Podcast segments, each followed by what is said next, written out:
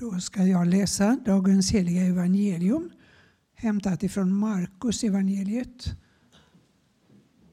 Andra kapitel, verserna 1-12. Jesus kom tillbaka till Kafarnaum och blev, det blev känt att han var hemma. Det samlades mycket folk att inte ens platsen utanför dörren räckte till längre och han förkunnade ordet för dem. Då kom de dit med en lam som bars av fyra män. Eftersom de inte kunde komma fram till Jesus i trängseln bröt de upp taket ovanför honom och firade ner bädden med den lame genom öppningen. När Jesus såg deras tro sa han till den lame, mitt barn, dina synder är förlåtna. Nu satt där några skriftlärde och de tänkte för sig själva, hur kan han tala så? Han hädar ju. Vem kan förlåta synder utom Gud?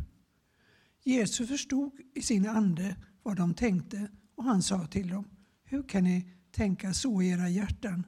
Vilket är lättast att säga till den lame, dina synder är förlåtna, eller att säga, stig upp, ta din bädd och gå.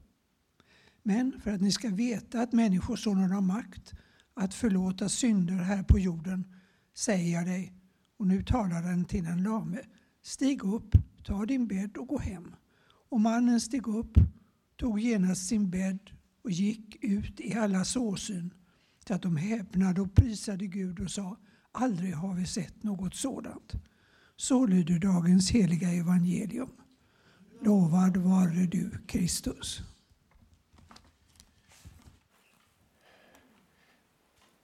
Eh, Gunilla, du kan gott bara stå kvar här låt oss, i tio sekunder. tio sekunder. För jag bara måste visa upp den här. Den invigs idag. Det är första gången en... Lo. Har, Joel haft den? Han har haft den. Aha. Ja, ja, det är första gången jag har den. Det är inte illa det, men det är Gunilla som har gjort den. Så det är vetekorn här på denna gröna eh, växtliknande eh, ståla. Det, det, symboliserar ju att vi ska växa. Och vetekornet måste falla ner i jorden och dö. Det handlar om Herren Jesus. Men ibland kanske vi också måste dö lite grann i alla fall, mitt i livet för att kunna komma vidare i livet. Vi måste lämna saker för att få saker. Okej? Okay? Tack Gunilla. Ge henne en applåd.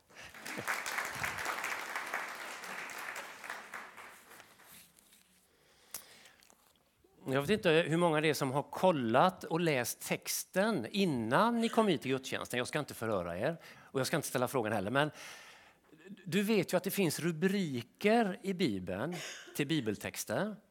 Och de rubrikerna står inte egentligen i den originalbibeltexten. De är ju påhittade i efterhand för att göra det lite lättare att få ett grepp om, för att få koll vad handlar det här om. Och då är frågan, vad är det för rubrik på den här texten? Och man kan titta på en mängd olika översättningar så ser man att hmm, de har hittat på lite olika faktiskt. Eh, Bibel 2000, där står det ungefär så här att en lam man blir botad. Jag vet inte om jag tycker det är en bra rubrik faktiskt. För att den är ju sann, det är det som sker. Men frågan är, är det det som är centrum i den här bibeltexten? Så att om jag tillåter mig att hitta på en egen rubrik då, för det måste jag också kunna hitta på. Om den lame mannen inte hade blivit botad... Punkt, punkt, punkt. Frågetecken. Där har du min rubrik, min ingång för det jag ska tala om idag. I veckan här så var jag tvungen att bara titta en gång till på det där videoklippet. Jag har sett på det många gånger. Det har legat ute eh, i de sociala medierna under många år. Det är ett klipp från en gudstjänst på ett fängelse. Ett av de tuffare fängelserna i USA. Där det sitter de där som aldrig kommer att komma ut. Eller de sitter på 25 år, 40 år, 130 år. Där mördare och annat sitter, det är alltså den kalibern. Så har de en gudstjänst. Och så är det ett klipp där, oerhört intressant och gripande. Sången de sjunger sjunger vi här också på svenska. Öppna mitt hjärta för dig Gud så jag kan se dig. Och så ser man, man ser lite olika reaktioner på de här människorna, fångarna. Några sitter långt bak och bara tittar. Någon sitter och försöker småmumla med. Men så ser man också en bunt som står så här med lyfta armar, med tårar i ögonen, med fullt fokus på Herren, fullt fokus på Gud och jag får en känsla av att det är full frihet i de människorna. För de har mött någon som har gett dem en frihet. En frihet som är större, som är kraftigare, som är viktigare än murar, viktigare än stängsel. Det är som att murar och stängsel för dem i det ögonblicket är borta. Jag var bara tvungen att titta en gång till på det klippet. Det finns någonting där. Vad händer om undret uteblir? Vad gör det med oss? Det finns en frihet som är starkare än alla våra omständigheter. Tugga på den. Det finns en frihet som är starkare än alla våra omständigheter. Den här berättelsen eh, inleder kapitel 2, de första tolv verserna där. Om vi bara spolar tillbaka eh, eh, ett halvt kapitel där så ställer sig Jesus på scenen för första gången. Hans första ord som han säger när han börjar sin officiella gärning är tiden är inne, Guds rike är nu här. Tiden är inne, tiden är fullbordad. Vi har kommit till en gräns. Vi lämnar någonting, kliver in i något annat. Något nytt. Något som ett, har andra värden. Något som på ett sätt kanske fullföljer det som har varit men det är en gräns. Något annat tar vid. Guds rike är nu här, står det i min bibelöversättning. Det kan översättas också lite olika. Guds rike har kommit nära. Eller som en, eh, en engelsk översättning, Guds rike är för handen. Det är ett gammalt svenskt uttryck också som betyder att det är inom räckhåll. Jag kan sträcka fram min hand och ta emot det. Eller jag kan sträcka fram min hand och ta det. Det ligger i det uttrycket. Han kommer med något nytt som är inom räckhåll. Och vad är det då för nytt han kommer med? Slag i slag så händer massa olika saker på det där halva, halva slutet på kapitel 1. Gå gärna in och kika där för man, man häpnar. Och det här är bara på några korta dagar, kanske några veckor. Men det är tjoff, tjoff, tjoff, tjoff, tjoff. Och bland annat så är det en berättelse där, där han botar en spetälsk. Och han gör inte det hur som helst. Han går fram och lägger handen på den spetälske. Det är ett sånt stort brott så att man gör inte så. Man gör icke så på den tiden. Varför? Jo, för den spetälske var inte bara risk för smitta, han var oren. Och om jag rör vid en oren så blir jag lika oren som den smittade med spetälska.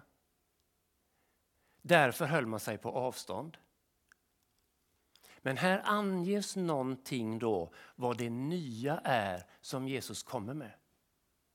På Gamla testamentets tid, om du hade blivit smittad eller rört vid en spetälsk, då var du tvungen att gå igenom en ganska besvärlig procedur för att bli godkänd igen, för att få finnas med i det sociala sammanhanget. Man skulle tvätta sina kläder eller till och med står det ibland att man, man brände kläderna och köpte nya kläder. Man var tvungen att tvaga sig, man var tvungen att offra och man var tvungen att ha en präst. Yeah. Och hade man inte tagit en präst så fick man vänta tills det kom en präst. Det kunde ta dagar, det kunde ta veckor som man var i karantän då. Men Jesus anger alltså här redan i, direkt när han kliver in i tjänst så går han och lägger handen på hans spetälsk. Det som sker då är tvärtom. Han kommer med sitt liv, han kommer med sin kraft, han kommer med hela Guds rikes möjligheter och smittar den orene så att den orene får del av det. Är ni med? Visst är det bra. Men det är, vi tycker att det inte är så konstigt för vi kan ju storyn. Men i den tiden så var det häpnadsväckande. Han bryter hela kulturen, hela det religiösa, alla andliga lagar och regler och bara pang kommer med något annat. Så kommer vi då in i kapitel 2. Berättelsen om de fyra vännerna, den lame mannen. Den berättelsen är bara en fortsättning på egentligen samma tema som berättar vad det nya är som han kommer med. Han fortsätter att visa det unika. Han fortsätter att visa att Guds rike rymmer något ofantligt.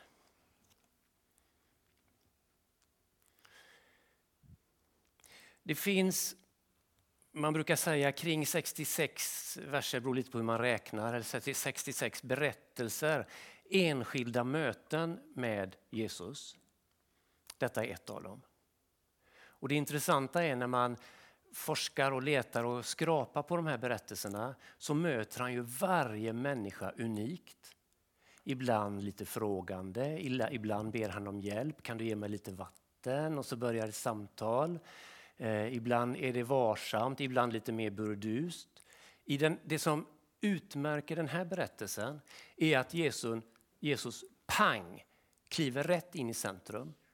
Väntar inte en sekund utan bara tsch, rätt in i mannens hjärta. Storyn tycker jag är ganska intressant för det är massor av folk. Jesus predikar och det stod lite tidigare i kapitel 1 att han, han predikade med auktoritet. står det. Han predikade så att folk lyssnade, ville följa, ville vara där. Och nu är han i det här huset i Kapernaum och det är så mycket folk så de kommer inte in och han predikar. Inte ett ord av hans predikan är nedtecknat. Lite tröstande för en stackars predikant. Kanske inte är så viktigt det vi säger. Men det är en sak som står där. I det här, det måste ju varit, det är en bösig berättelse. Det är en ganska våldsam berättelse. Eh, mitt bland murbruk och annat som har fallit ner på Jesus och alla som är i det här trånga utrymmet så kommer mannen ner och så säger han, mitt barn, dina synder är dig förlåtna. Wow. Eller inte wow. Ser inte Jesus? Uppfattar inte han? Jo, det är klart, han har sett de fyra vännernas nästan aggressiva iver, längtan, bön. De, han, de hjälper sin vän som inte kan göra någonting. Klart Jesus har sett det. Varför gör han inte någonting då? Varför börjar han prata om, om synd och förlåtelse? Jo, för att det finns någonting här där Jesus kliver rätt in i djupet av den mannens liv. Något påtvingande nästan i detta. Nu sker ju också det fysiska undret. Men tillbaka till mitt förslag då på rubrik om miraklet inte hade hänt. Jag påstår då hade ändå det största skett. First thing first, säger amerikanarna. First thing first, det viktigaste först. Det av nöden tvingande först.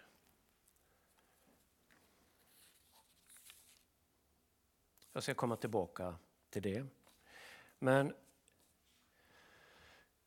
kan verka som en onödig fråga, jag ställer den ändå. Hur kan Jesus förlåta synder?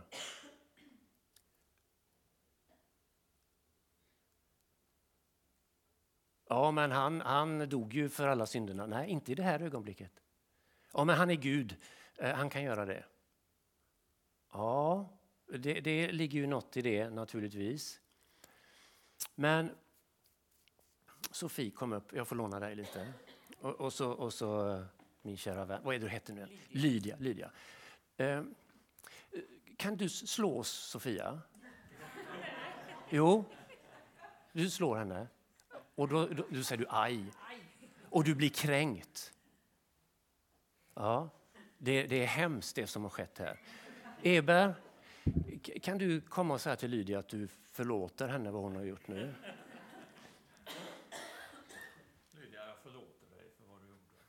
Ja, ja nu kan ni gå och sätta igen. Då är, då är ju frågan, vilken effekt hade detta på Sofie? Hade detta varit på riktigt så är det inte så säkert att det hade haft någon effekt alls. Hade det haft någon effekt på Lydia? Kanske, kanske lite, lite grann. Att någon ser och, och så. Men de facto är det ju så att den synd, den missgärning som har varit här, den ligger kvar. För att Lydia ska bli löst så behöver Sofie säga, vadå? Jag förlåter det. Kanske. Är ni med? Då kan någonting hända. Då kan någonting förändras i den här relationen och du kan gå fri. Tack snälla ni.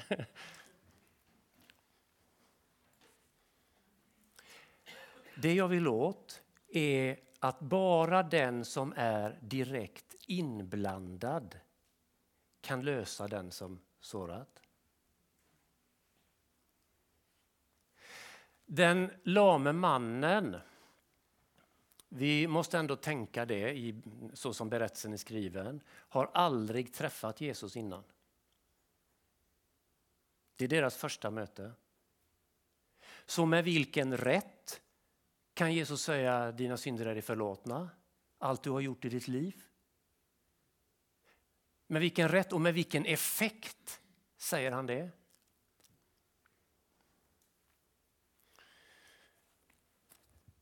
För att ge något slags svar på den frågan. En saltarvers finns en syndabekännelse i Saltaren 20, i 51. Det är kung David som har haft fuffens för sig. Och det har drabbat honom. Han är alltså på väg att gå under i sin själ, i sin ande. Så han vänder sig till Gud. Gud var mig nådig enligt din godhet, utplåna mina överträdelser enligt din stora barmhärtighet, två mig ren från min missgärning, rena mig från min synd. Ni hör ju, han är uppfylld av, han har drabbats av en syndanöd. Jag känner mina överträdelser och min synd är alltid inför mig. Och så kommer det i vers 6. Det är mot dig jag har syndat. Synden som det handlar om, det handlar om berättelsen med äktenskapsbrottet med Batseba och det mord som han påtvingade för att kunna träffa henne. Alltså det är en fruktansvärd story. Men han inser att det här är större än att jag begått ett äktenskapsbrott. Det här är större. Och den jag direkt har syndat emot, det är Gud själv.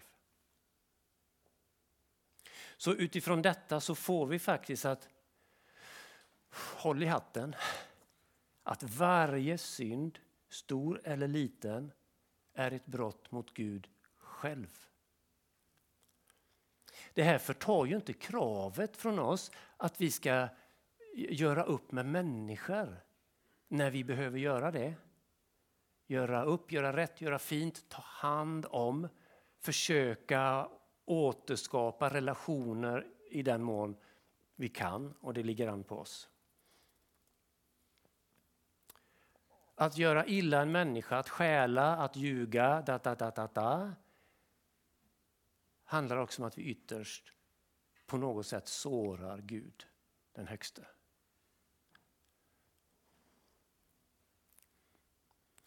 Vilket är lättast, säger Jesus sen. Dina synder är det förlåtna eller ta din säng och gå.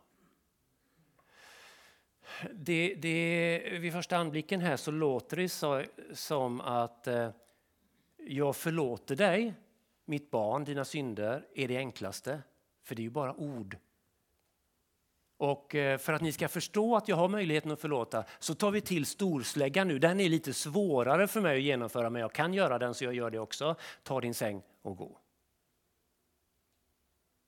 Det är det naturliga svaret i den, på den frågan.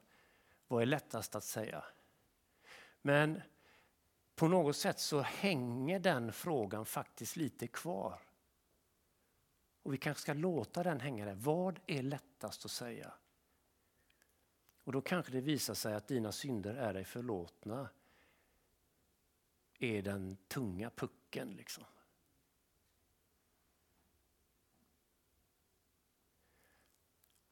För förlåtelsen har ett pris. Han har ännu inte dött, Jesus. Han har ännu inte fått lida, inte piskad, inte korsfäst. Men det är som att Jesus vet att förlåtelsen är avhängigt det. Möjligheten till förlåtelse är avhängigt det. Och att han, när han talar ut detta så kliver han in på en väg som är enkelriktad. Som leder fram till korset. Det, det ligger liksom i den här berättelsens natur på något sätt. Så vilket är lättast då att säga? Dina synder är det förlåtna eller ta din säng och gå. Och ta din säng och gå kanske har ett enklare, väger inte lika tungt. För han tar in redan där, på något sätt i förtid, en smärta.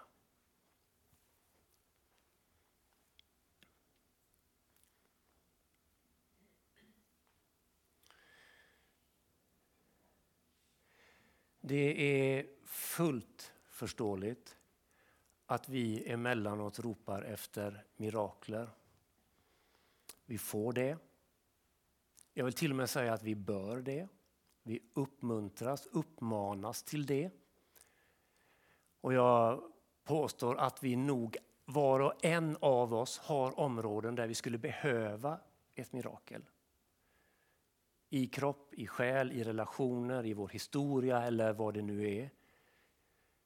Men ett Guds ingripande som förändrar så som vi känner att det behöver förändras. Jag tänker mig att vi alla har något sådant. Men vi behöver också någon som tränger djupare än det.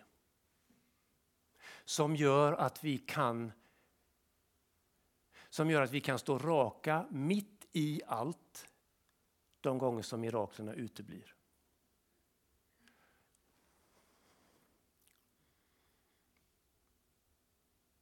Och där tror jag att en av nycklarna är det som har med förlåtelsen att göra. För när den friheten får komma till en människa, när, när skulden får rinna av, och inte bara skulden utan det som är skam som vi svenskar är så fruktansvärt bra på. Att hålla fast och låta dominera oss. Tänk när det får rinna av.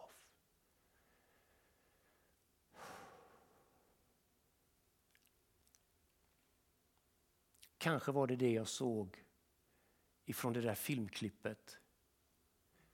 När några fångar står med lyfta händer och sjunger Öppna mitt hjärta för dig Gud.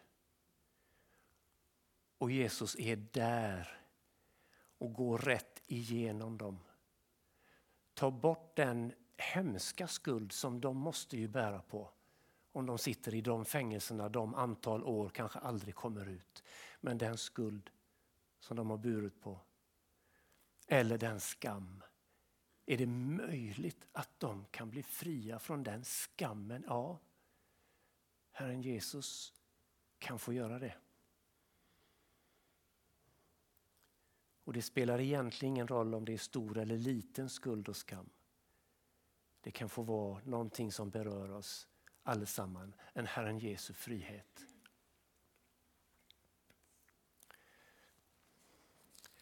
Den där syndabekännelsen i psalm 51 fortsätter sen och det är så vackert.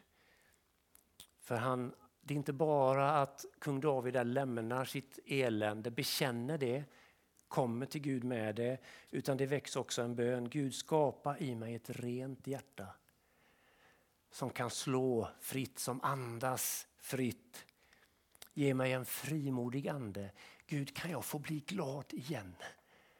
Trots att jag har gjort det och det och det och det. Är det möjligt? Kan jag få bli glad igen?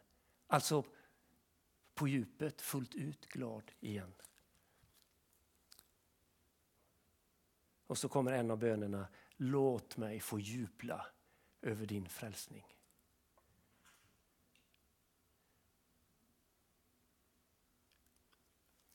I min bibel, jag läser folkbibeln till vardags, eh, så är det en annan rubrik än att Jesus botar den lame.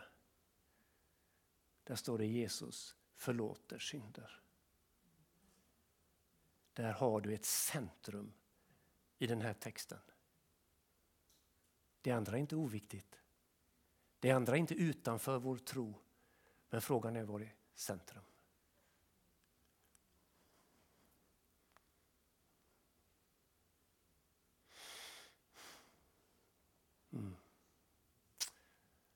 Oh, tänk om vi kunde fatta på djupet vad Jesus kommer med. När han säger tiden är inne. Guds rike är nu här. Det finns i fullt mått till oss alla. Ska vi ta och sjunga den där sången innan vi går vidare?